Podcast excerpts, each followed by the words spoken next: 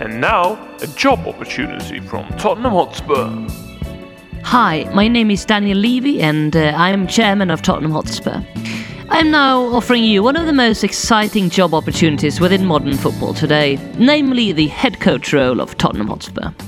We are a lucrative club, excelling in profitability, earnings, margin, turnover, wealth, and sometimes also football. Here at Tottenham, we also promote football as a means for shareholder earnings.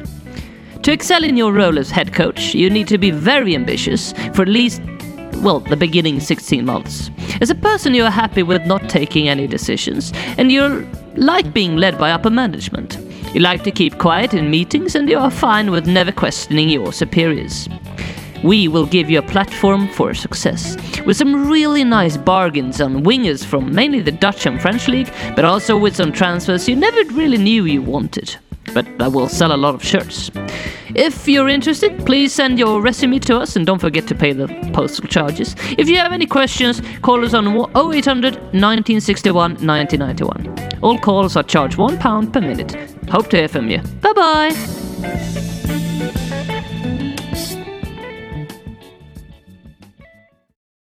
Hi, this is Ledley King, and you're listening to the Ledley Kings Need podcast. Podcast. Konsekvent, inkonsekvent Det bästa som någonsin hänt. Du kommer aldrig bli dig själv igen min vän. Här flödar hybrisen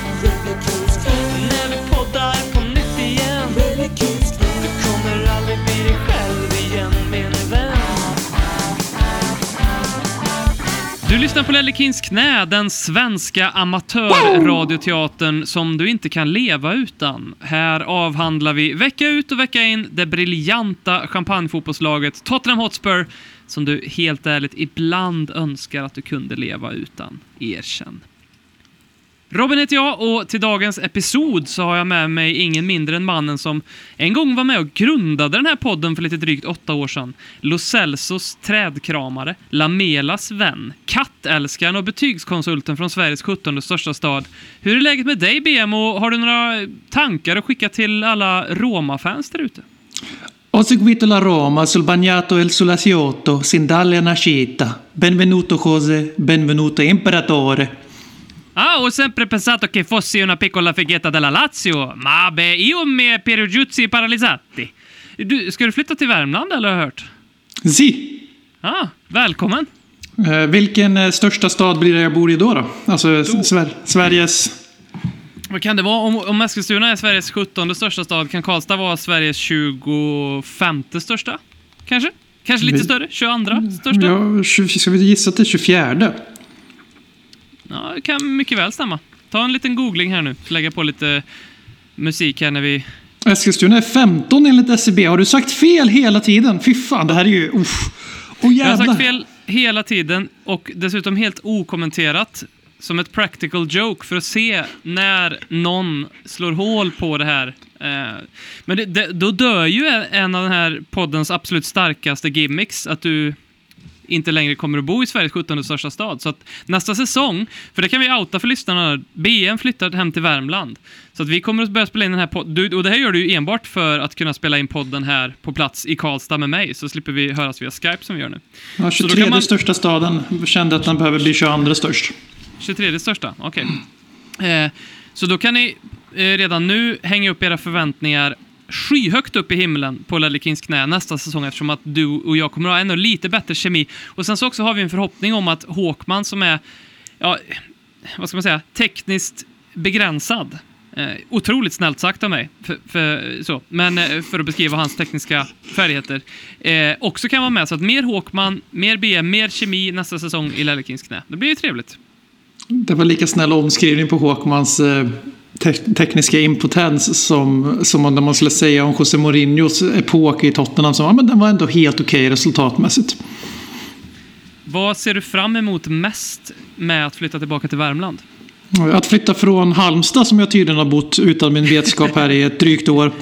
Eh, Det är otäckt att bo någonstans så länge utan att uppfatta. Det kan förklara en del dock. Jag har ändå liksom slängt mig med Sveriges 17 största stad i ganska många sammanhang här i Eskilstuna och det är aldrig någon som har reagerat. Så Det är ändå ett svar på en av världens stora mysterium. Men det som Det skulle är bli många bäst... som har gått så här, vad fan snackar den där jävla Halmstad-killen om? Ja, men precis. Ja, de var eh, typiskt hallänningar. Nej, men att eh, det som ska bli roligast ska ju bli såklart att förhoppningsvis försvinner ju corona så att man kan börja följa Eh, IB, Karlstad, KF, eh, fotbollsklubbsförening, handbollskollektiv, associationsförbund fotboll. Eh, Och deras eh, väldigt eh, på tal om Rom och arkitektur och estetik, propaganda via estetik, så man får ju sådana konnotationer av IBK Karlstad FC, fotbollsklubbsförening, handbollslag, eh, förbundskaptens aura, klubb. Eh, Man får ju sådana konnotationer av deras klubbmärke. Så jag ser fram emot att bli ultras, jag ser fram emot att eh, eh, vara arbetslös. Jag ser fram emot att ha en sambo som kommer att återgå till att prata mer och mer värmländska. Jag ser fram emot att inte förstå min omgivning eh, och få känna på liksom att vara en främling i mitt eget hemland. Eh, Samtidigt som det ska bli rätt kul att spela in Ledder Kings knä live och kanske, kanske, kanske, kanske börja se på lite fotbollsmatcher ihop. För det gjorde vi faktiskt en hel del i början av Ledder Kings knä. Vi hade ju några episka incidenter där, där du skulle stå hallå efter vi hade torskat med 5-0 i röven för fjärde veckan i rad med AVB där när Ledder Kings knä nästan upplöstes på plats. Just det, det var ju lite känsligt.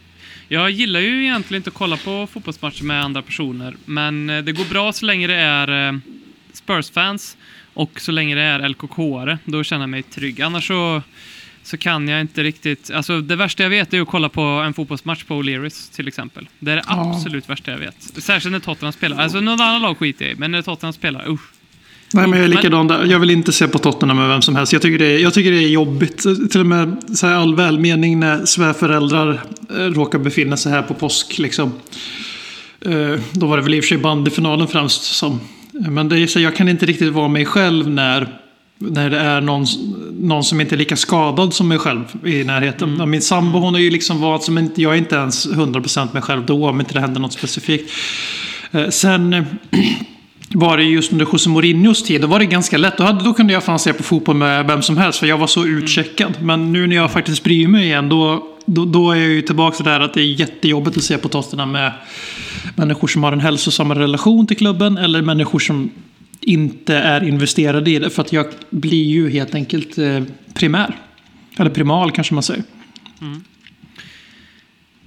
Så är det. Men eh, du, den här podden vi ska spela in nu, den är ju liksom mer packad med innehåll eh, än vad eh, före detta paret Melinda och Bill Gates eh, advok- advokater har i arvode att sn snacka om framförallt. Så vi får börja. Vi ska diskutera den här Leeds-matchen och vår trupp som befinner sig lite i värre fritt fall än en valfri eh, svensk realityserie på kommersiell TV. Men vi ska också prata om lillebrorsan som spås bli vår nya manager och skratta åt topp 6. Men först, för två år sedan, så spelades den där matchen. Som i alla fall för mig, tveklöst är det absolut största jag upplevt som Tottenham-supporter. Nämligen när vi begav oss till syndens näste, Amsterdam. Där syndarna Tottenham snuvade det charmiga, ungdomliga och superhypade diskmedelslaget Ajax på en Champions League-final. Jag vill påstå att den glädjen som man kände som Tottenham-supporter efter att vi gick vidare från den semifinalen. Det är en större glädje än vad gemene Liverpool-supporter kände efter att de vann finalen sen. Boom! Intressant? Ja, men för mig finns det, det man kan säga är att det, det är ju definitivt större än när vi vann ligacupen 2000 2008. Eh, definitivt större än känsloanspänningarna i ligacupfinalen här om veckan. Eh, definitivt större än när Crouch nickade in på Etihad. Året när han tog oss till Champions League och inte året när han tog City till Champions League genom ett mål på Etihad. Fatta hur länge vi var den klubben för övrigt. Den klubben som höll dem ute. Eh, som höll, stånd, som höll stången mot det här köplaget nummer två. Chelsea på crack. Men alltså Amsterdam. Det är ju... För det första är det liksom ett litet tucken. Jag kommer ihåg kvartsfinalen bättre. Eh, Förmodligen för att det var de här jobbiga VAR-minuterna där man redan hade gett upp och sen helt plötsligt blev liksom jag, jag kan inte likna det med någonting annat än hur jag, hur jag liksom antar, eller som jag ser framför mig, hur någon som har blivit felaktigt dömd till dödsstraff. När de räddas i den här dramatiska Hollywoodrullen. Av den här väldigt eh, ambitiösa och eh, godhjärtade och solidariska advokaten som kämpar och kämpar och kämpar och sen lyckas få personen fri, fri, frisagd lagom tills dödsstraffet ska utföras. Ja, just det. Och som, är lite alkoholiserad, som jobbar så att han tappar relationen med sin fru. Absolut. Och som, absolut. som får sparken från fi- som firman tycker att nej, det här giget borde du absolut inte ta, men han tar det ändå. Absolut, perfekt tillägg. Eh, Precis det jag ser framför mig. Eh, Och eh, semifinalen var ju liksom... Ajax var ju bättre än oss i, i London och förtjänade att vinna med mer än 1-0. Eh, Och i returen är det mer av samma i första halvlek. Och vi är ju jätteskadeskjutna. Vi har redan börjat det här fallet som Tottenham fortfarande befinner sig i. Eh, Och eh, det är just den här grejen att ligga under med 3-0 sammanlagt och ta ikapp på en halvlek som det är svårt att sätta ord på. Jag vet att Liverpool-supporterna försöker få sin grej mot eh, Barcelona att vara ännu större. Eh, jag har lite svårt för det där, som vi har pratat om det här förut i podden många gånger, att Liverpool-supportrar försöker både vara världens största och mest framgångsrika klubb samtidigt som de är en charmig liten uppstickare som ingen förväntar sig något av. Det går liksom inte att vara både och, man får välja sin hörna.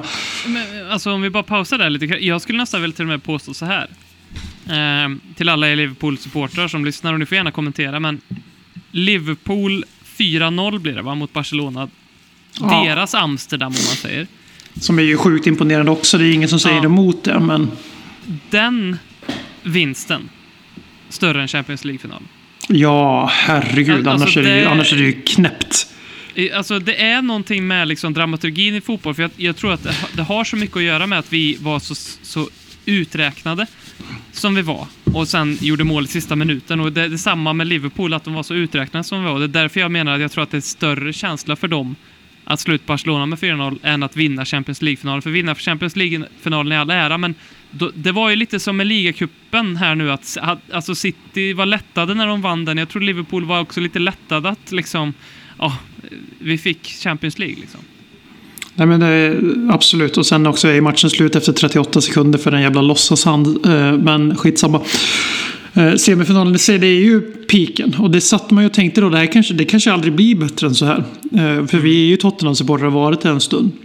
Tyvärr inte ända sedan 70-talet eftersom jag råkar vara producerad ur min pappas pungsäck någon gång i mitten av 1990. Eh, Inte så mycket jag kan göra åt riktigt. Men Är du inte säker på att spermier kan leva längre i pungen än så? Så det skulle kunna vara en restprodukt från 80 80-talet också. Ja, absolut. Men det blir svårt i alla fall att ta det ner till 70-talet eftersom pappa Ja. själv är född 1970. Men, Sant. eh, men liksom, så det är ju the tip of the iceberg, Titanic här. Man är lite inne i det igen. Jag menar pinnacle of någonting, alltså höjden av någonting. Och eh, det är ju en sak jag minns lite luddigt, för det är verkligen en sån här kväll. Jag är ju nykterist, det har ingenting med det att göra. Eller jag, till, nu är jag återhämtande alkoholist, så jag söp till ordentligt när Mourinho fick gå. Men, Ja, just det. Eh, Topp tre ögonblick som har hänt mig i två- 2010-talet, 2020-talet menar jag. Men att eh, just det här, jag kommer ihåg så väl att min sambo gick och la sig. Alltså hon, eller särbo som det är just nu, eh, gick och la sig för att det var liksom kört. Det, som du var inne på det här, att den magiska återupphämtningen, liksom, det som är det. Tottenham var ju inte bra, vi hade haft en period. Det var ju som sagt, vi hade ju redan börjat den här resan till där vi är idag. Liksom, vad är vi inne på nu? Två och ett halvt år med Golgata, alltså helt ärligt. När man kommer från toppen och varit nära att vinna de största grejerna. Och så resan ner till Arsenals rike, liksom 8-9. Den är tuff och det är ju någonting som är ganska nytt för oss Tottenham-supportrar. Och den här Amsterdam-kvällen var liksom... Det var den sista riktigt fina kvällen i äktenskapet för man gick skilda vägar ett halvår senare för att man visste att det var dött. Men just den kvällen så var man var nykär igen. Man kom ihåg vad man älskade hos sin partner från första gången. Nu, nu har jag bytt över till att prata om Maurizio Pochettino som alla förstår. Eh, man hade glömt alla fel, man hade glömt alla saker som hade sagts. Eh, och man var bara där ett och, ett och samma i stunden. Och när Lucas Moura gör 96 där, 90 plus 6. Alltså jag har inget riktigt, det, det, är bara ett virrvarr. Det jag kommer ihåg är att jag drar minst fyra varv i lägenheten och liksom hoppar och skriker. Alltså så här, så, riktigt så som man gör på en läktare. Fast när man inte befinner sig på läktaren då ser man bara ut som, ett, som en mupp. Liksom. Mm. Och jag minns också väldigt tydligt att, jag, att det kom ett par tårar för att det är inte... Eh, det, är, det är ju inte någonting som är jättevanligt hos mig. Jag är ju så här klassisk eh, känslomässigt förstoppad eh, eh, pöjkspoling som har uppfostrat i att eh, män gråter inte liksom. Och det är inte Du är lite aktivt. toxiskt manlig faktiskt. Ja, men det blir ju det i just det här fallet att det är ju inte någonting jag har blivit uppfostrad aktivt. Men det är liksom sån jag. Jag blir känslomässigt förstoppad i känslomässiga ställen istället för att liksom släppa ut mina känslor. Eh, på det sättet i alla fall. Men det, det gick liksom inte. Den, den är... Den är så magisk den kvällen och det är verkligen den här, det är den kvällen. Just nu är det den kvällen jag kommer att prata om till mina barnbarn och deras barn. Det kommer inte vara när vi lyfter någon jävla FA-cup F 2023 eller ligacupen 2022 eller vad fan det nu blir för någonting. Utan det kommer vara Amsterdam 2019, den 8 maj. Det är liksom den dagen det kommer att vara. Och det är den matchen jag kommer att visa. Och det är det där jävla Titanic-klippet. För det kan jag fortfarande titta på. Och jag får fan mig gåshud. Fortfarande. Trots att det är hur cheesy som helst. Har gjorts på varenda någorlunda dramatisk idrottsögonblick senaste fem åren. Men alltså den ligger där bland mina likes på Twitter. Och när det är riktigt tungt. Och det var det ganska ofta under José. Och då är det det jag tittar på för att komma ihåg varför jag älskar Tottenham Hotspur. Jag hoppas ju att uttrycket Saint Amsterdam Day kan flyga. Så eh, du får hjälpa mig med det. Och alla Spurs-fans där ute.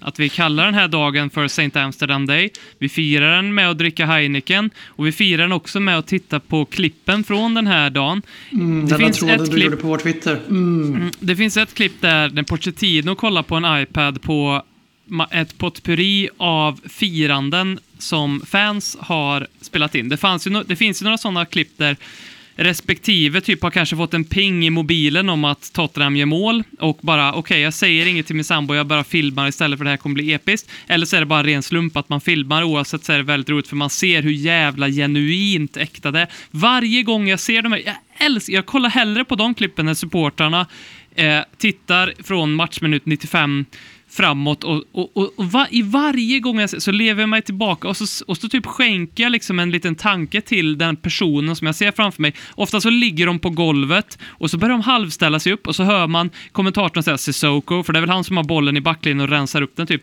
Och då vet man att nu, nu är du din jävel så är det några sekunder ifrån en eufori som du knappt har känt på förut och då skänker jag någon form av så här grattis till den personen att nu kom, och det är det jag vill, jag vill se de sekunderna när det brister för att jag kan på något sätt relatera till det så jävla mycket. Eh, David Ellis som ju är en säsongskortsinnehavare som eh, eh, och twittrar frekvent om Tottenham skrev I've seen Spurs win seven trophies, but I'll be honest, nothing beat this. Slid on the floor, cried with my son, an hour later my daughter asked Why are you shaking dad? To which I replied Because it's Spurs. Och det är någonting, det här är vårt Leicester. Och det hade inte varit samma sak om vi hade varit Liverpool eller Manchester United och vunnit. Det hade varit sensationellt såklart där och då, men det hade inte levt vidare och det hade inte blivit en sån ett sånt isberg, eller ett sånt, vad ska man säga, en sån magisk jävla kväll och ett magiskt jävla minne. Eh, om, om inte vi, det, det är bara Tottenham som kan skapa ett sånt. Det är ett vykort över supporterskap och det här är vårat vykort. Alla klubbar har sitt egna vykort eller sitt frimärke. Men, och det här är Tottenham så det kommer att förbli så. Kanske för evigt, för även om vi skulle liksom ta nästa kliv till slut då. Det klivet som vi egentligen hade redan börjat tagit där och då. eh, Skulle vi ta det klivet och börja vinna titlar på löpande band. Då är det ju vi som sitter om 10-15 år. Då är City-supportrarna och knappt blir glada över en eh, över en ligacup. Eller vi som skriver när vi får däng av Chelsea i Premier League eh, och skriver ja, bra, bra match och B-lag. Vi kontrollerar Chelsea med B-laget när fan B11 kostar 500 miljoner kronor styck. Eh, och det här är ju fotboll och det kommer vara, för alltid vara ett så stort ögonblick i vår historia. För att det, kanske, det, är liksom, det är ungefär så långt ett lag kan komma utan att vara en av dem. Det, liksom, det var så långt Tottenham gick. Och det är likadant med Dortmund, för de gick också till Champions League-final. Och de förlorade också.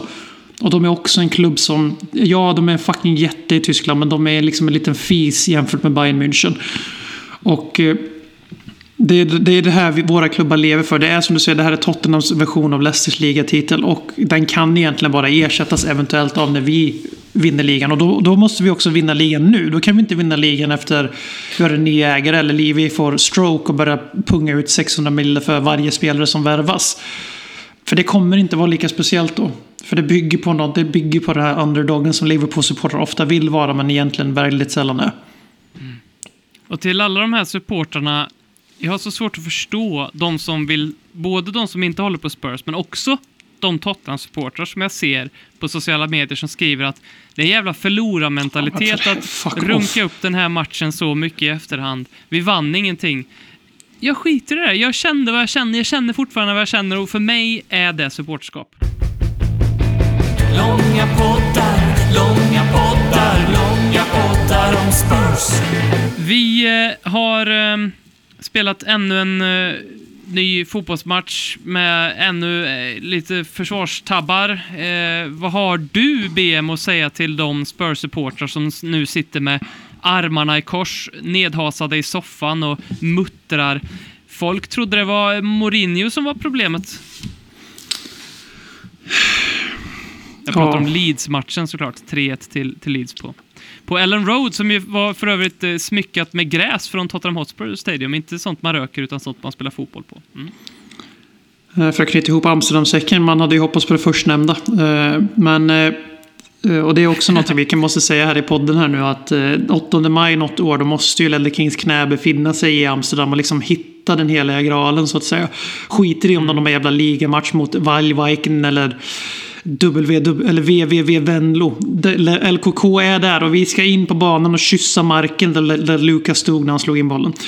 Tror du det Eh. finns en... Det finns ju såna här coffeeshops där man köper såna här färdigrullade joints av olika styrka. Tror du det finns en coffeeshop i Amsterdam med en joint som är så fullständigt jävla potent så att när man röker den så bara släcks man ut direkt och så minns man ingenting som vaknar och så, och så är den döpt och så, den heter Lucas Mora. Om finns? inte annat så har du nu jättemånga entreprenörer i Amsterdam med ett uppslag här för nästa affärsidé. Väldigt, väldigt riktat mot brittiska turister och eh, lundfeta svennebananer också.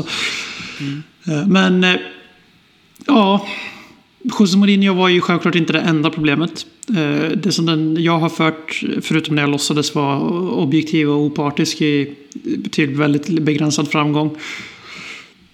Ett tag eh, han var aldrig lösningen på problemet. Han var alltid genvägen på problemet. Istället för att ta tag i problemen som Pochettino sa redan före Amsterdam-säsongen.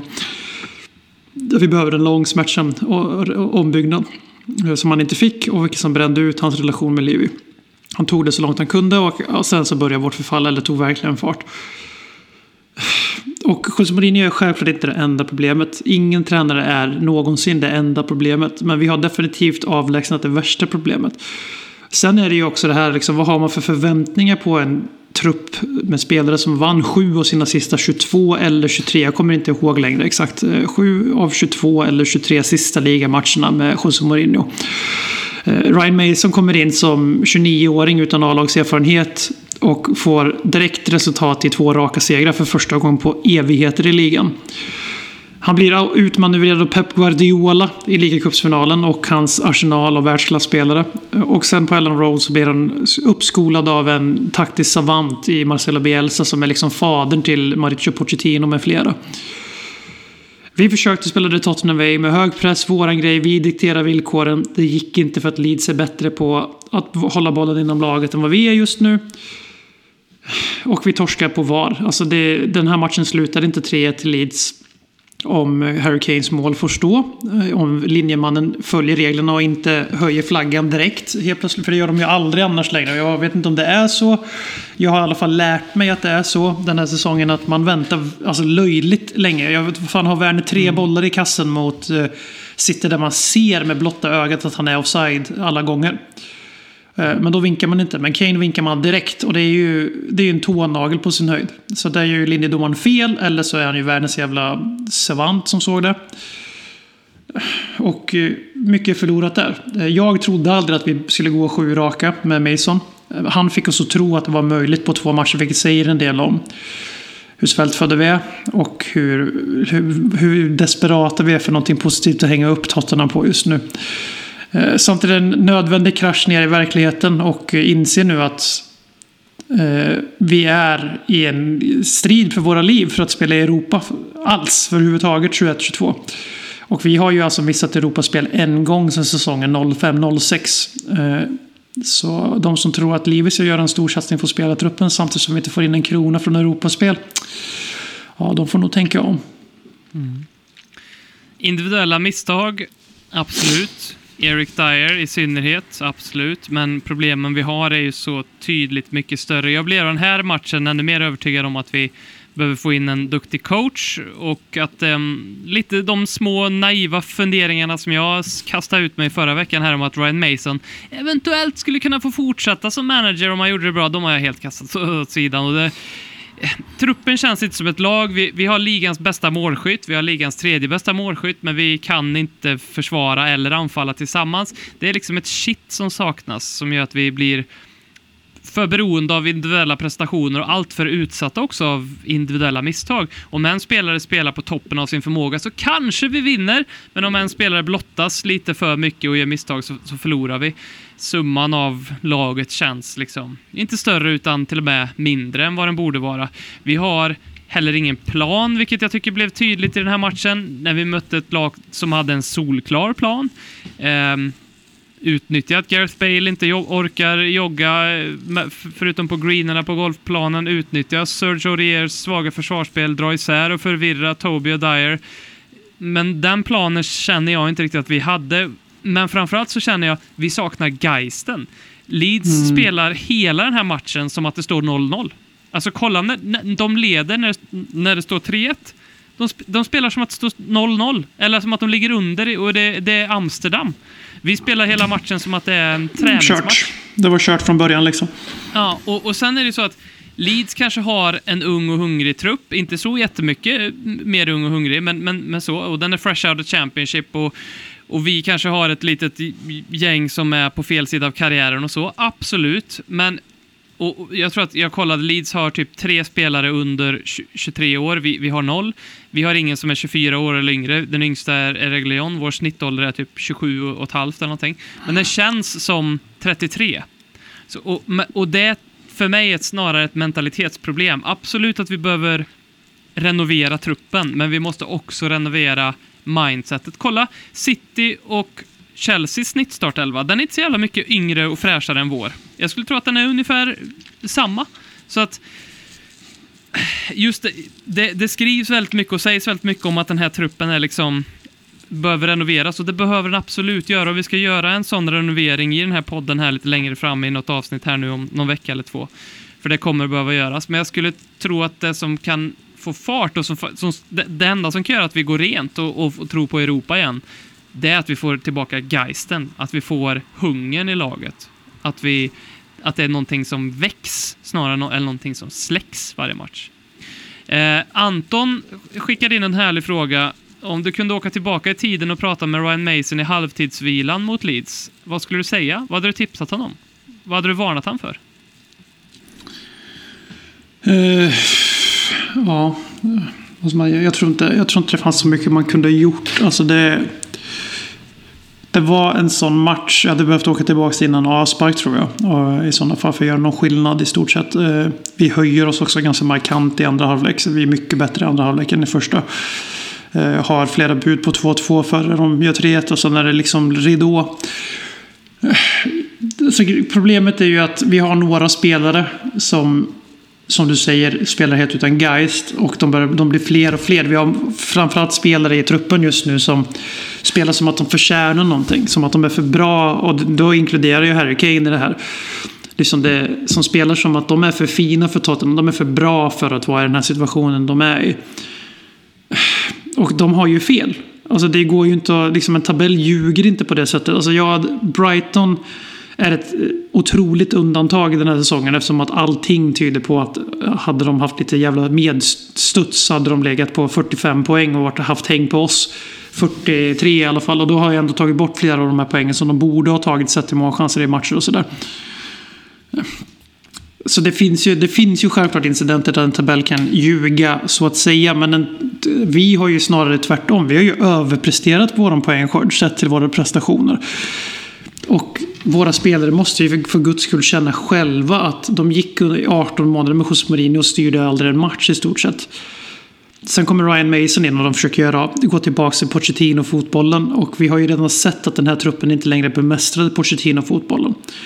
Eh, och vi har hela tiden vetat att den inte är byggd för att spela Mourinho-fotboll. Eh, så det är ju, som du är inne på, det behövs ju skakas om lite. Det behövs kanske lite kirurgiska ingrepp. Alltså ut med informella ledare, in med några nya röster, nya tankar, nya idéer. Och i den här halvtidspausen så hade jag ju helt enkelt bara sagt till Ryan Mason att du, du jag förstår tanken med Giovanni Lo Celso. Inte varför du envisas med honom till höger på mittfältet när han är otroligt enfotat, men det får stå för honom. Jag förstår tanken med honom. Det är helt för mig obegripligt att folk tycker att han inte är en av våra bästa spelare. Eh, samtidigt som det är också så här man ser när vi har svårt att ha bollen inom laget.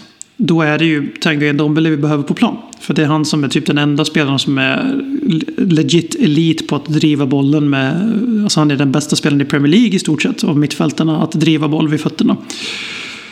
Jag hade också sagt åt honom att Bale och Aurier, det funkar inte. För att Aurier gjorde en jävligt fin match på Sheffield United och gjorde Bale också. Men det man har sett nu med Aurier i flera veckor i rad är att han har ju helt checkat ut. Alltså det ju- händer ju flera gånger per match nu att han bara skiter i hemjobbet helt och hållet. Bara står och joggar och slår ut med armarna och möter inte ens boll. Och Bale till sin heder höjde sig i andra halvlek, ökade sin arbetsintensitet, sin arbetsinsats. Men det har ju blivit ganska klart att det är klart att han förtjänar en plats i nästa, nästa års Tottenham om han vill ha den och vi vill ha honom. Och våran tränare vill ha honom. Just för att han gör poäng mot brötgäng. Och det är ganska många som inte gör det. Men han ska inte spela matcher där vi inte förväntas ha bollen. För Leeds må vara ett mittenlag, precis som vi. Leeds må vara en nykomling som jag inte tror på så särskilt långsiktighet i. Men de är bättre än många på att ha bollen inom laget och diktera sina villkor. Eh, och det är det som händer med klubbar som kör sitt jävla race oavsett motstånd. Det är därför Brighton är som de är också. För att Brighton tror på sin jävla grej med vissa små skruvningar oavsett motstånd. Vi har blivit någon form av lag som hela tiden anpassar sig efter motståndarna och sen när vi fick in Mason så har vi slutat att göra det. Vi kör på vårt race. Och det kommer ta tid. Jag förstår inte liksom vad är det folk förväntar sig av Ryan Mason här. Att han ska komma in som helt, o, helt obehörig för jobbet. Har liksom, det finns ingenting som säger att han är egentligen legitim tränare. Förutom att han fanns på plats och är uppskattad och har en lovande framtid. Och vi måste ha någon jävel som står på bänken till juni. Men hur kan man på riktigt förvänta sig att någon ska göra, liksom ska kunna skaka ur 18 månader av antitesen till the Tottenham Way bara genom att han säger att vi ska spela så. Det kommer ta tid för de här spelarna att ställa om. Det kommer ta tid för våra spelare att orka spela mer intensiv fotboll igen. Det här är liksom missriktad frustration som tas ut på alla representanter från Pochettino fram till Mason. Där vissa är mer rätt än andra. För det finns ingen som kommer kunna övertyga mig om att José Mourinho inte förstörde mer än han hjälpte den här klubben. Och eh, problemet ligger inte på, på sidlinjen i Ryan Masons fall. Utan det är Danny Levy som har satt honom i en situation han inte kan lyckas i. Samtidigt som man också ska vara ärlig och säga han kan inte heller misslyckas. För alla som har någon form av vett i skallen inser ju att Ryan Mason är bara här temporärt. Billigare än knark Roligare än terapi Ledley Kings knä för den du redan är men också för den du vill bli Och på tal om att eh, bara vara här temporärt. Någon som eh, ligger och lurar i vassen. Någon som eh, ämnar att kanske göra livet lite mer långsiktigt i eh, norra London. Nu tror jag i och för sig Ryan Mason kommer vara kvar i lo- norra London och i våra led, men det är vår nästa tränare. Och eh, vad heter han med? Ja, vad heter han? Ja, det börjar ju kännas som att det är Graham Potter som vi var ute för. Först på den bollen vill vi påpeka. Vi, Först. vi var absolut först. Eh, som vi var ute i för någon månad sedan. Eh, men det bör- börjar ju kännas som att det är Graham Potter. Det är väldigt tyst. Det är väldigt eh, eh, svårt att få någon. Inte ens Alistair Gold matas ju nu för att klubben vill sköta det här bakom ridåer. Däremot var de ju snabba på att mata honom med uppgifter om att Tottenham absolut inte, och Athletic, att de hade absolut inte erbjudit varken Nagelsmann eller Ten Hag något jobb. Eh, men det kommer in lite så här, om man läser Alistair Gold, eller lyssnar på hans YouTube-snack, eh, hans podcast skulle jag nästan vilja säga, eh, varje vecka. Så är det ju så att det har börjat ramla in formuleringar i hans texter och hans snack. Ä- ä- vänta, är det han du brukar kalla för allergy? Mm, ja, fortsätt. Mm. Han, jag, jag eh, hade ett för mig att det var Paul O'Keefe du kallade för allergy. Det var jättekonstigt. Jag, jag Nej, tänkt fråga dig Paul, om det. Paul O'Keefe är Poke. Ja, Poke. poke, ja. Såklart. Men och för jag hade till och med jag hade skrivit upp det. Det var en av de grejerna jag skrev upp inför dagens... Upp. Varför kallar du Paul O'Keefe för allergy? Men nu när du säger Alistair Gold, då fattar jag att det är han du menar. Den här, Ja, ja, är han som skriver för Fotboll London som är världens vidrigaste hemsida genom alla tider. Men det kan vi ta en annan gång. Mm. Read review verk- på telefon. Öppna i Twitter och så trycker read review så slipper ni Ja. all den här skiten. Vad, vad sa du? Hans formuleringar i podcasten börjar... Menar, och i text har ju börjat bli liksom att det finns många spelare som eh, tror på Graham Potter som nästa manager. Det finns många spelare som gillar hans sätt att spela fotboll på som blev imponerade. Alltså det börjar ramla in lite så tillägg på hans först ganska kategoriska så här, nah bra till det här. Eh, och det börjar kännas som att det är han. Annars är det kanske Roberto Martinez till din stora glädje. Eh, eller så är det fan, vem- fan vet, Brendan Rodgers är upp på tapeten men han skulle ju vara rätt korkad om han gick från Leicester till Tottenham. Om det nu inte stämmer de här Twitter-grejerna idag att eh, James Madison ska ha spottat på honom på träningen. Jag läste, jag läste på ett Twitter-inlägg som hade många interaktioner. Jag har ingen aning om det är sant men Fy fan vad jag, jag hade kunnat betala för att se det. Jag gillar ju verkligen inte James Madison. Men jag vill... Och jag har någon form av konstig liten vurm för Brennan Rodgers, även om jag tycker att han är lite Michael Scott, David Brent cringy inemellanåt. jag vill ju ha honom bara för att vi ska kunna kolla på Being Liverpool eller vad den hette. Ja. Being Brendan. Jag kommer ju på riktigt ihåg som att den hette Being Brendan. För att det var vad den var liksom. Det är våran... eh, Ja, mata mig med lögnen så tror jag på den. Ja, Men där, där har vi liksom sum, där har vi sommarens tablå skriver sig själv. Vi kollar på de här avsnitten, vi analyserar Mm. våra tränare. Vad- Hur är han egentligen? Som det blir som all or nothing fast utan att man behöver må dåligt över hur ens klubb sköts. Brendan Rodgers på träningsanläggningen. Det är mycket träningsbyxor långt upp, nästan över naveln och så t-shirt under det.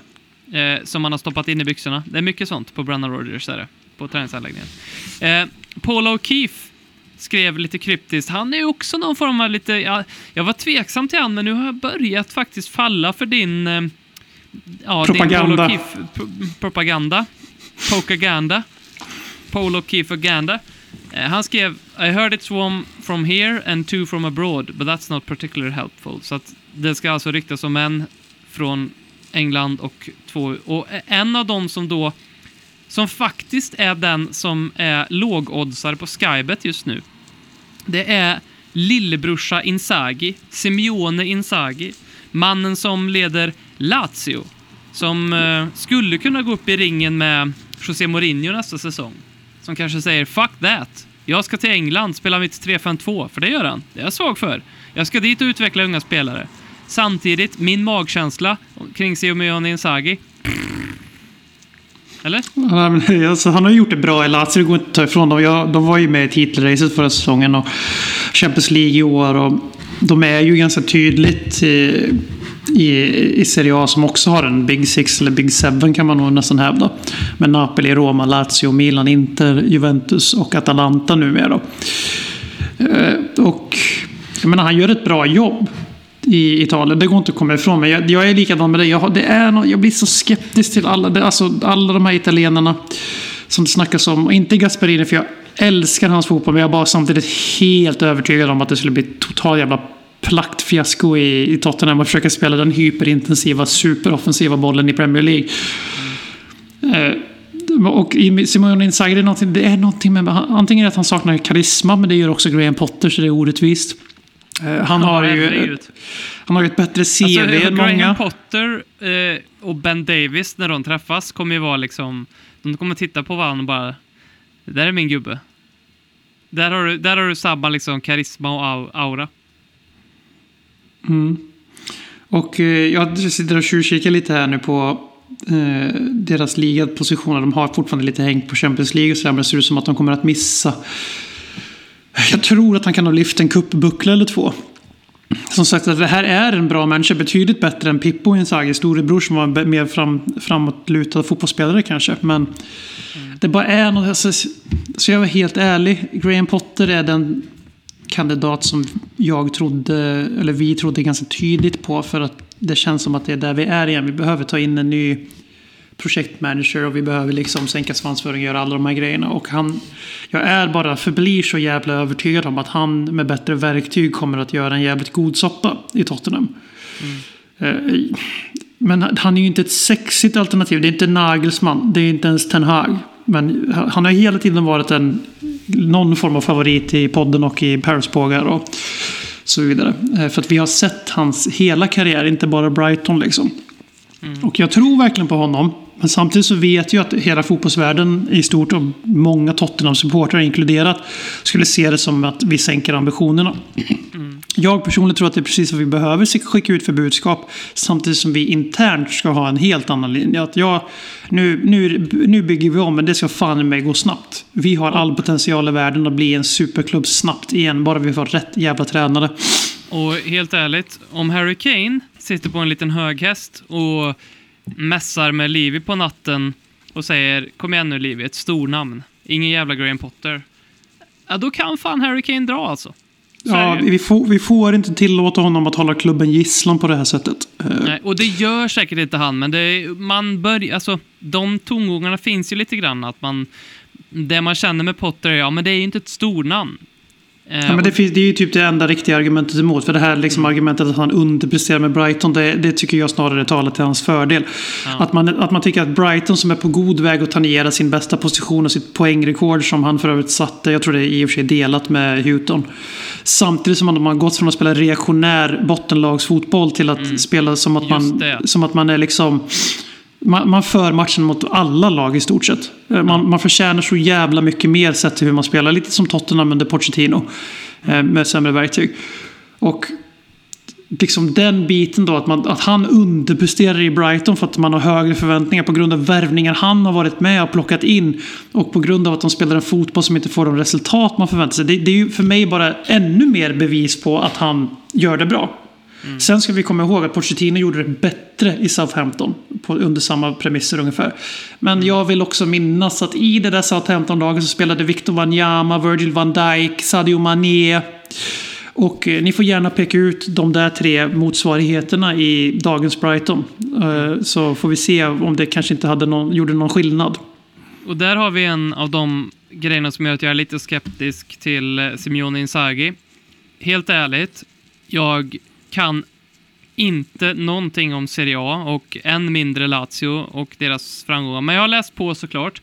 Känslan jag får, han har bara varit i en klubb. Det är för mig en liten varningssignal. Då ser jag hellre en Yes. Potter som har harvat sig genom Östersund, Swansea, Brighton. Därför att det skapar en helt annan typ och bredare typ av erfarenhet att man, har, att man har coachat flera klubbar. Dessutom när man har gjort en progress i varje klubb, så som han har gjort.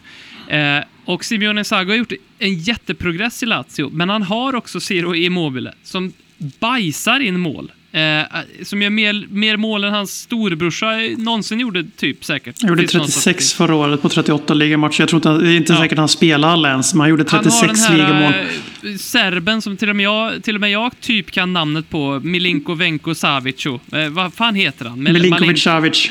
Ja, han, SMS. som är jätte, jättebra. Han har ett väldigt bra lag, han har en väldigt bra trupp som är liksom, och det är lite så som vi pratade om Erik Ten Hag för några veckor sedan när han hyllades för det Ajax-laget. Han, det var också lite ett dröm. Ibland får man bara det där fina, man plockar det där fina hallonet i busken. Um, och det, det är det som med, med Inzaghi som gör att jag känner mig lite tveksam. Sen så är det ju så här, eh, för an, den andra, när jag började, eh, i, i, i, eh, när jag la upp min, när jag skar upp min magkänsla och lät den rinna ut på bordet och tittade på inälvorna, det här är en jävligt fräsch metafor för övrigt. När jag började titta på de meta, eh, grejerna, nej jag fortsätter inte med den, det som rann ut, så tänkte jag, ja han är italienare också.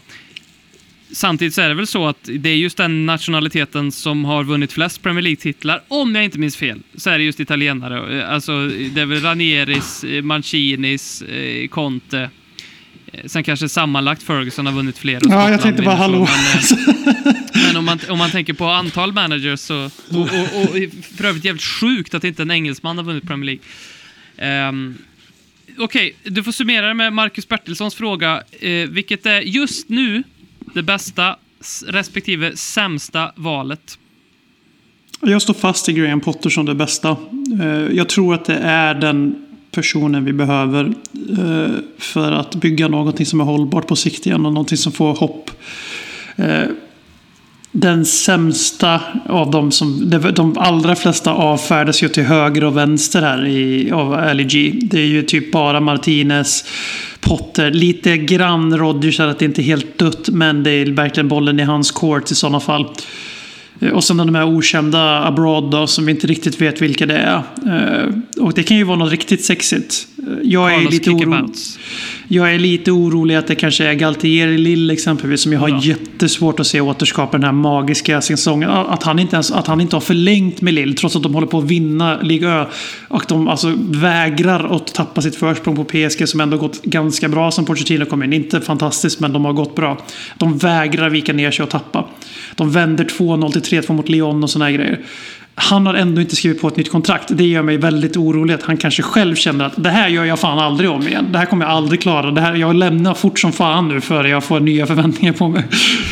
Men han har utgående kontrakt så han är jag lite orolig för att han är, att han är på vår tapet. Och sen Insaga har också utgående kontrakt. Men jag är, där är jag helt bergsäker på att han inte är aktuell. Jag vet inte varför. Eh, men jag landade ändå i att det sämsta för Tottenham det skulle vara att gå, Eh, jag har tyvärr inget namn, men att man går, man går efter Carlos Kick It About som du sa. För att han har gjort något sexigt i någon annan liga. Och för att han är billig. Han har utgående kontrakt. Man planterar in honom i den här fotbollsvärlden som är England. Som är en, ett, som är en superliga redan. Det är därför det är lite så här. Ja, vi är och kommer förbli mot eh, European Super League i den här podden.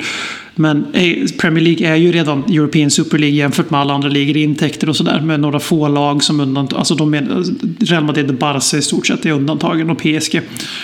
Eh, det är liksom en, haj, eh, där en värld där hajar äter hajar. Och det kräver sin akklimatiseringsperiod. Vi har fan inte råd med mer akklimatisering än att vänja sig vid trupp, spelare och ledning. Vi har inte råd med någon som även ska liksom vänja sig vid den engelska fotbollen och matchschemat. De 47 olika kupperna. Vet du vem det är? Vet du vem den här Carlos Kickabout är som inte kan prata engelska och som kommer dit och som tycker det är alldeles för kyligt i juli? Marcelinho ifrån Valencia? Nej? Nej, han är i Athletic Club nu. Atlet, ja. Mm. Han kom in där som... Han kom in där som... Ugh. Nej, det, Uh. Ugh. Eh, Vi kan ju bara, för de som har Athletic, de har ju gjort eh, en sammanställning av det här baserat på en analytisk modell. Och den är ganska tungt lutad mot, det här jag går inte djupare så här för det är jättetråkigt att lyssna på.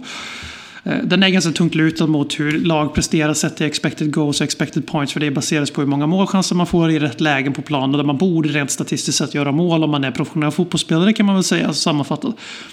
Eh, Graham Potter får då 97 av 100 i overall score när de analyseras efter hur bra de skulle göra i Tottenham med dagens trupp. Då är Potter etta. Rodgers ligger också ganska högt. Marcelinho får också helt okej. Det är många, och den artikeln är värd att ta en gratis månad på Athletic eller för alltid bara betala de här 50-lappen i månaden för att läsa bara den. Men eh, det jag kan säga då här, för att presentera en egen liten eh, Dark Horse här. Det är att den, mest, den coachen som är mest lik Brig Graham Potter är alltså Masiama Allegri. Och de är så lika så det är hundrade percentilen. Och det här, när jag såg det här, då gick jag från att vara helt så blankt inställd till Allegri. Bara, eh, till att okej, jag, jag kan tänka mig Allegri ändå. Då. Det här är ändå en snubbe som har radat upp titlar i sina tidigare jobb. Men de- den här andra statistiska analysmodellen då, den säger att Graham Potter är den bästa tränaren Tottenham kan plocka. Eh, ganska, med ganska Vem är den vitt. sämsta på den listan då? Eh, Marcelinho tror jag. Jag tror att det är Marcelinho som var... Men då, då ska vi också komma ihåg att alla på listan hade... Det var, de, var ju, de var ju cherry picked liksom. Det var inte alla som... Nej, utan okej. bara Mm. de som var någorlunda på tapeten. Och jag vill minnas att det är. Marcelinho som är längst ner med en 80 någonting overall. Medan Potter hade 97. Shoutout till eh, er, ni som eh, påpekade, lite trist men ändå rätt ska vara rätt. För ett par veckor sedan gjorde vi en special om Graham Potter. Och då hade jag lyssnat på en eh, intervju som Olof Lund hade gjort med, med honom. Där jag fann det mycket lustigt att eh, när Olof Lund frågade Graham Potter vad körde du för bil i Sverige? Och så kunde inte riktigt Graham Potter minnas, men han, han sa typ I think it was called Sharon. Och jag blev så liksom... arg på Olof Lund att han inte han plockade upp bollen för att jag tänkte direkt att så här, det är typ en gammal skruttig bil Graham Potter har tuffat runt på i Östersund där som folk har kallat för Kärran. Och så har han tänkt, ja, ah, Chiron. Men det finns en bilmodell som heter Chiron. En Volkswagen tror jag det är. Jättetråkigt, tyvärr. Men ja, rätt ska vara rätt. Nu tar vi och eh, skrattar åt topp 6. Badum, brum, brum. Let's laugh at the top six. They are really shit.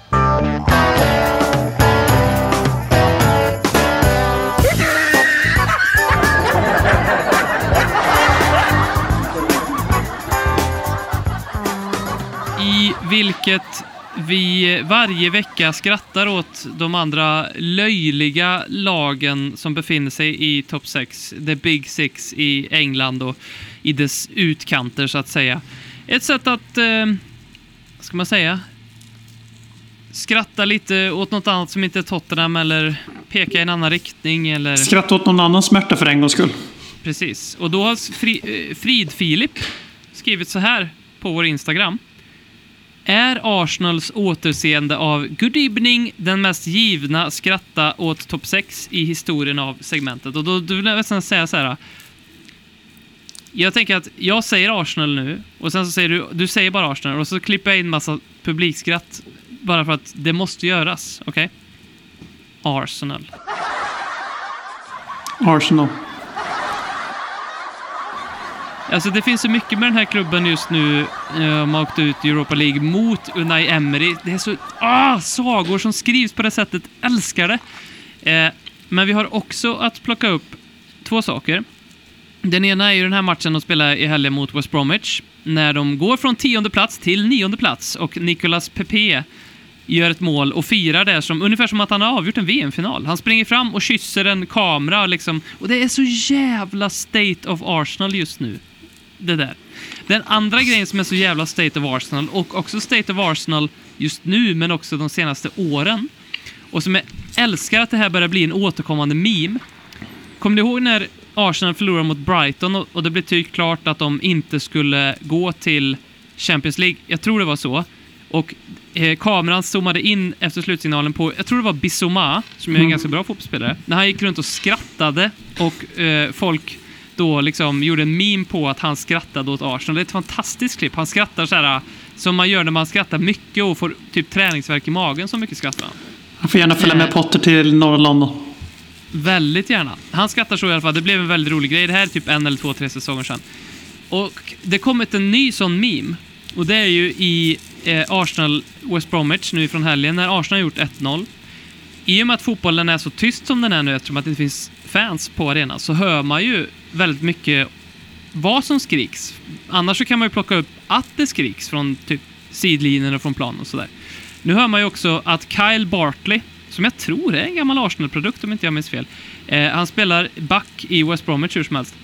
Han skriker efter det att Arsenal har gjort 1-0 till sina lagkamrater. Come on guys, one goal and they will shit themselves. Och det är så jävla bra! Det är den nya Arsenal-memen. And I love it.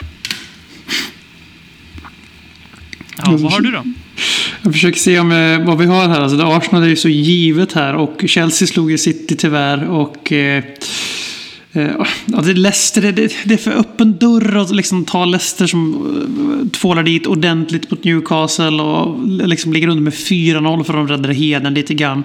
Och de har ju sån förbannad jävla tur Leicester att de har gjort en bra säsong och att West Ham torska, vi torska och att Liverpool eh, Eh, har gjort en horribel säsong och eh, oavsett vad kommer ligga tre poäng efter Leicester med tre matcher kvar att spela. Och det blir intressant att se vad United gör för de möter ju Leicester och Liverpool på 48 timmar.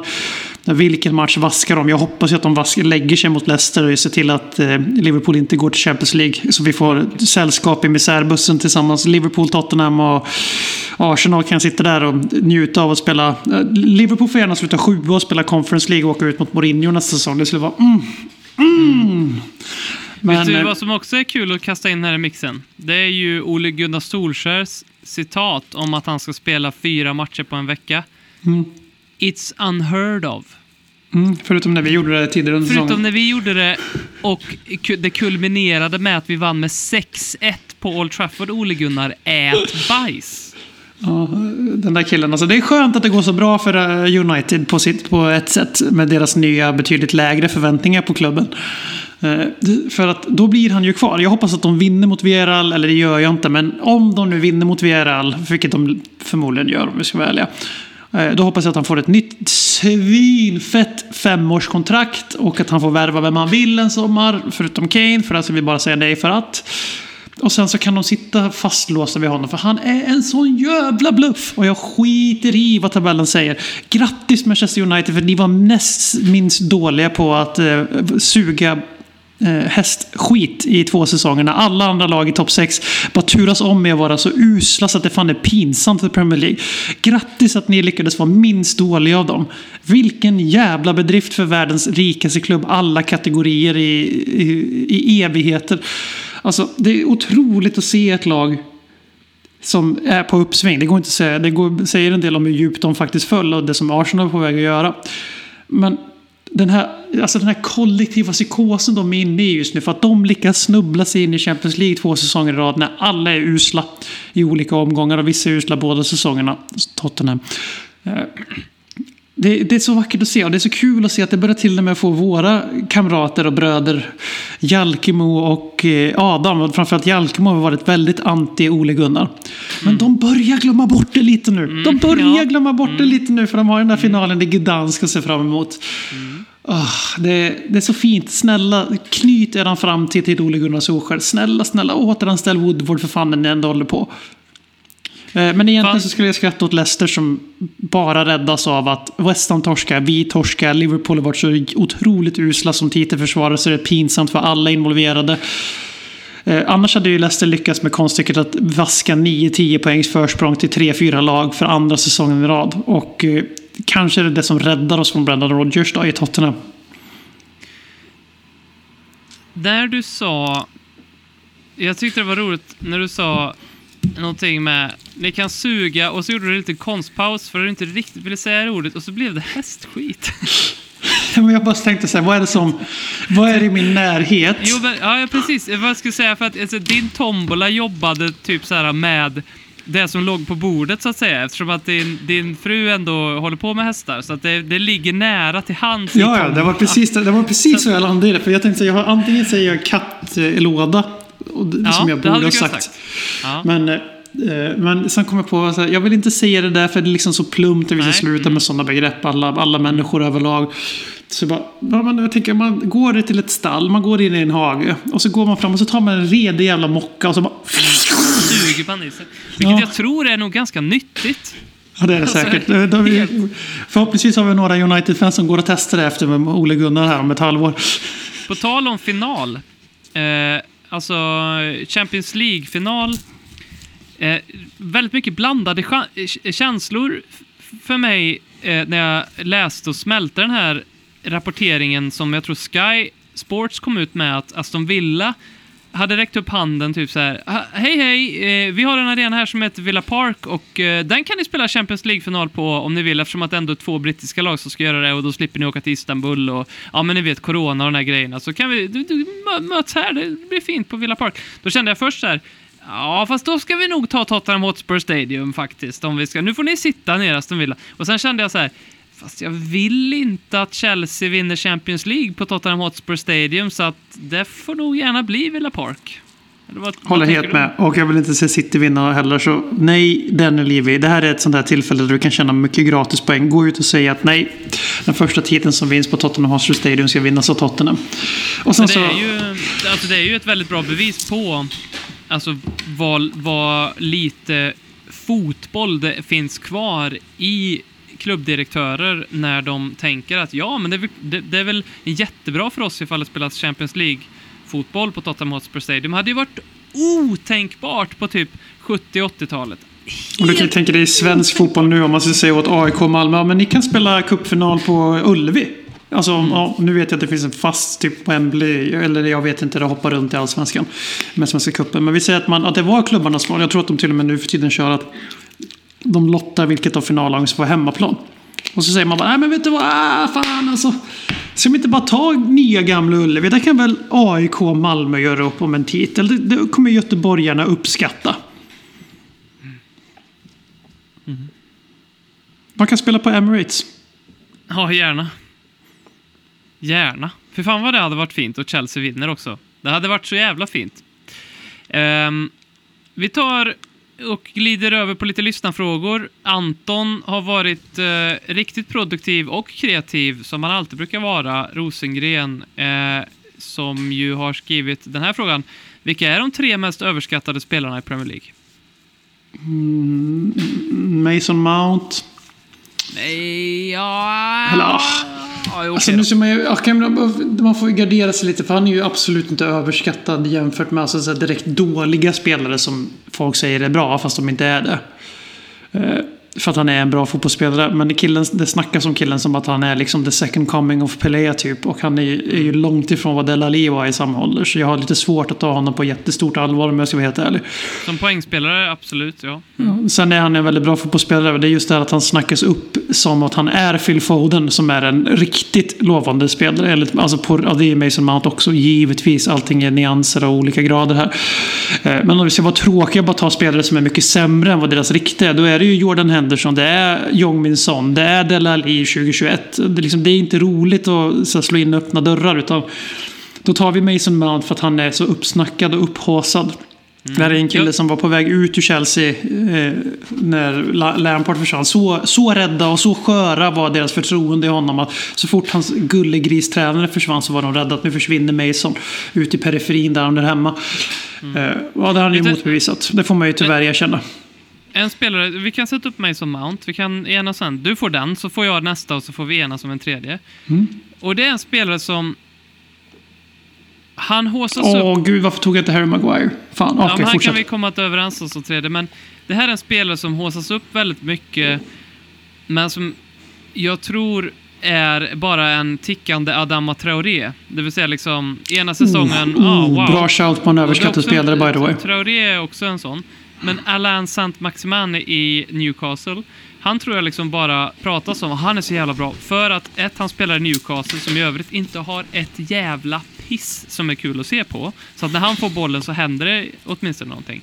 Och sen skulle man ta Alain Saint-Maximin och sätta i någon av de andra topp 6-klubbarna i alla fall. Han skulle vara en total nobody. Lucas. Inte bara, ja, alltså jag skulle säga att Lucas Moura är mycket bättre än Alassane Max- Maximin.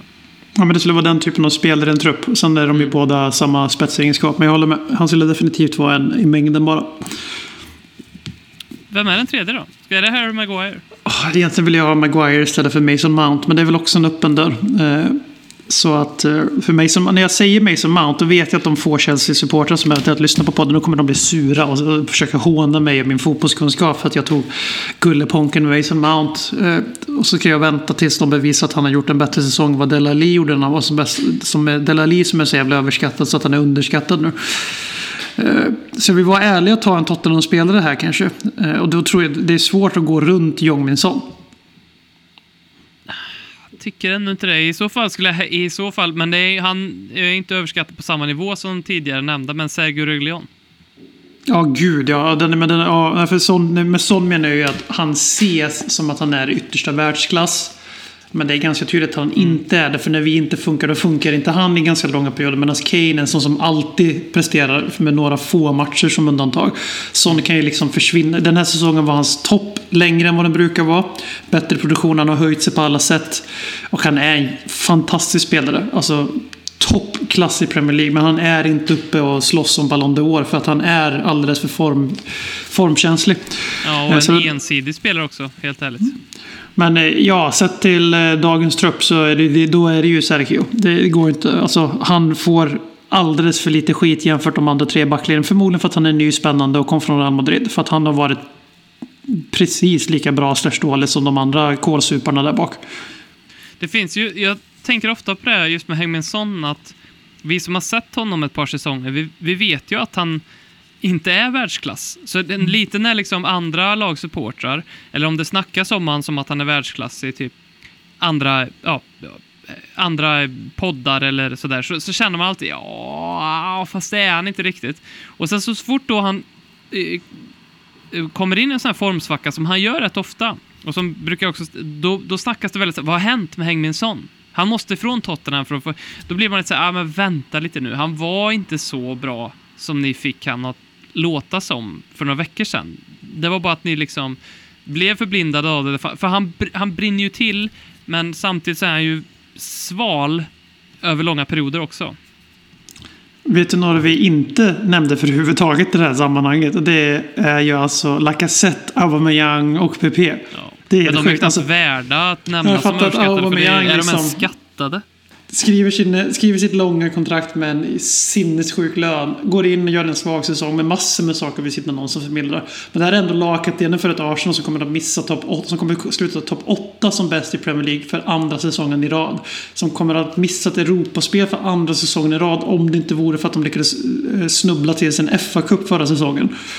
Alltså det är lagkaptenen över laget och han ska vi på riktigt... Han ska vi liksom låtsas som att vi ens lyssnar på när de säger att han är lika bra som Harry Kane. Alltså det är ju...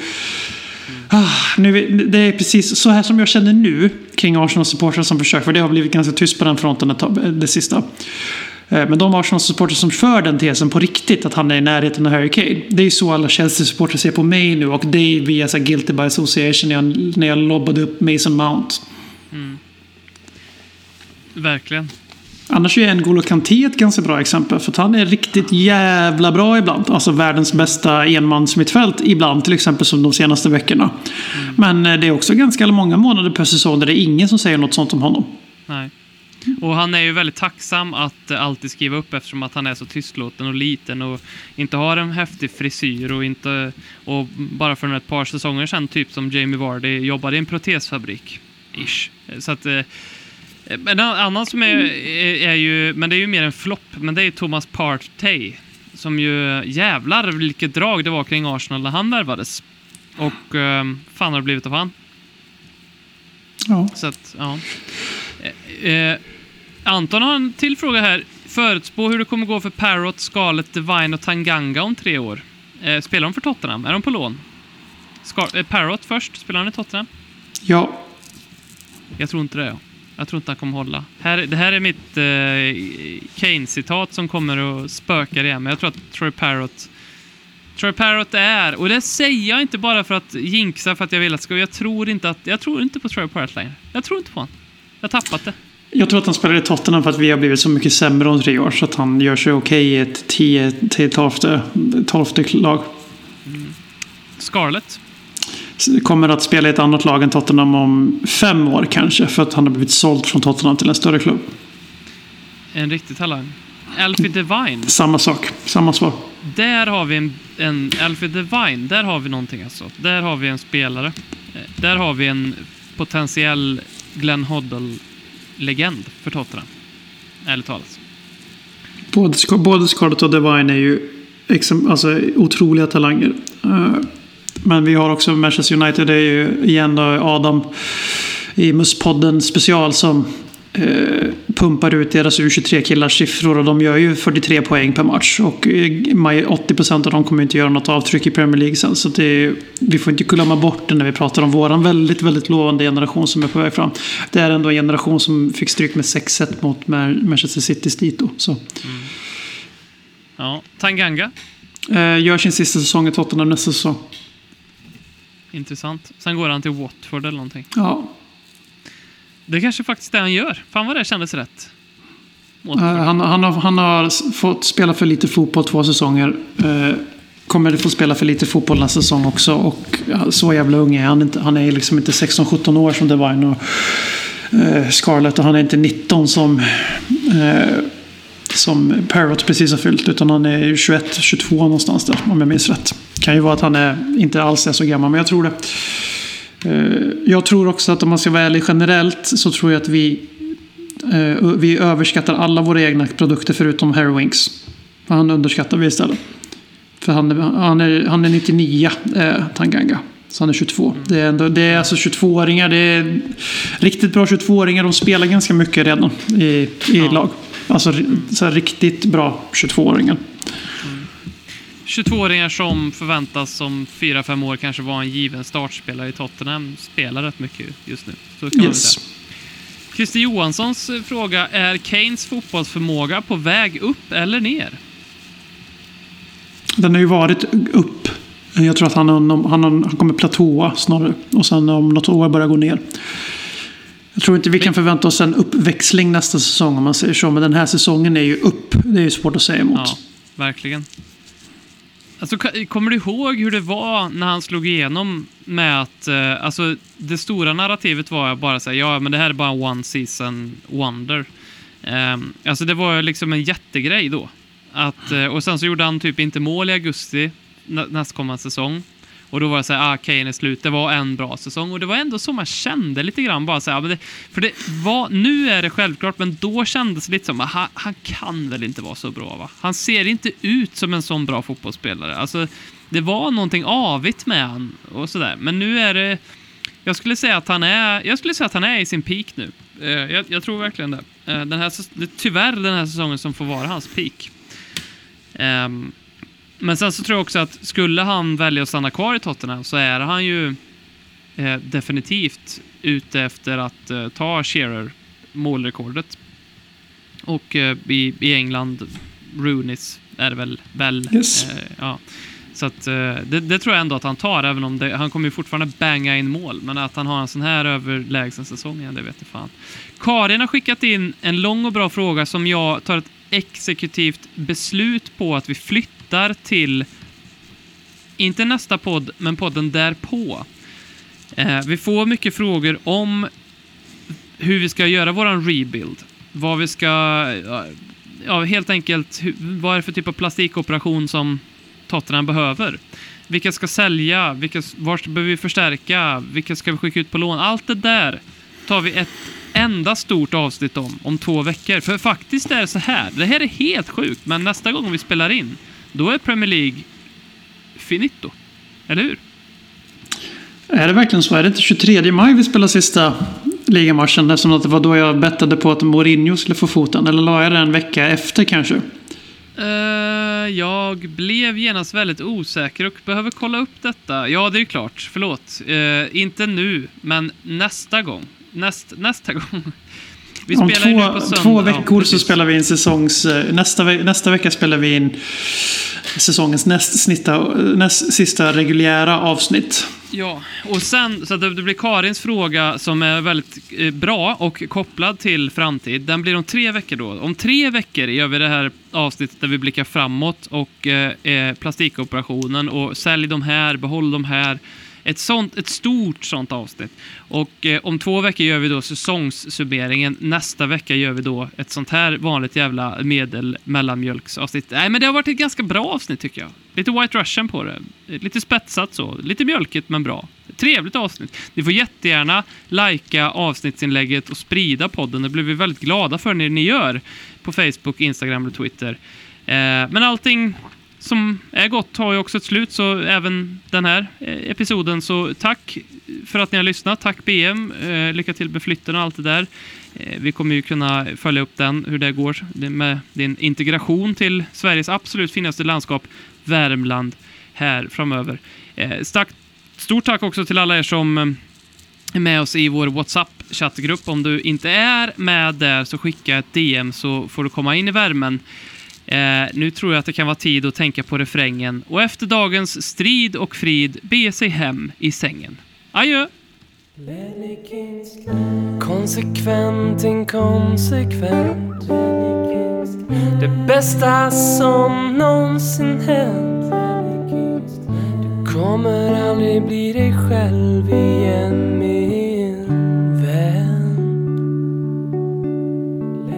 Här flödar hybrisen. När vi poddar på nytt igen. Du kommer aldrig bli dig själv igen min.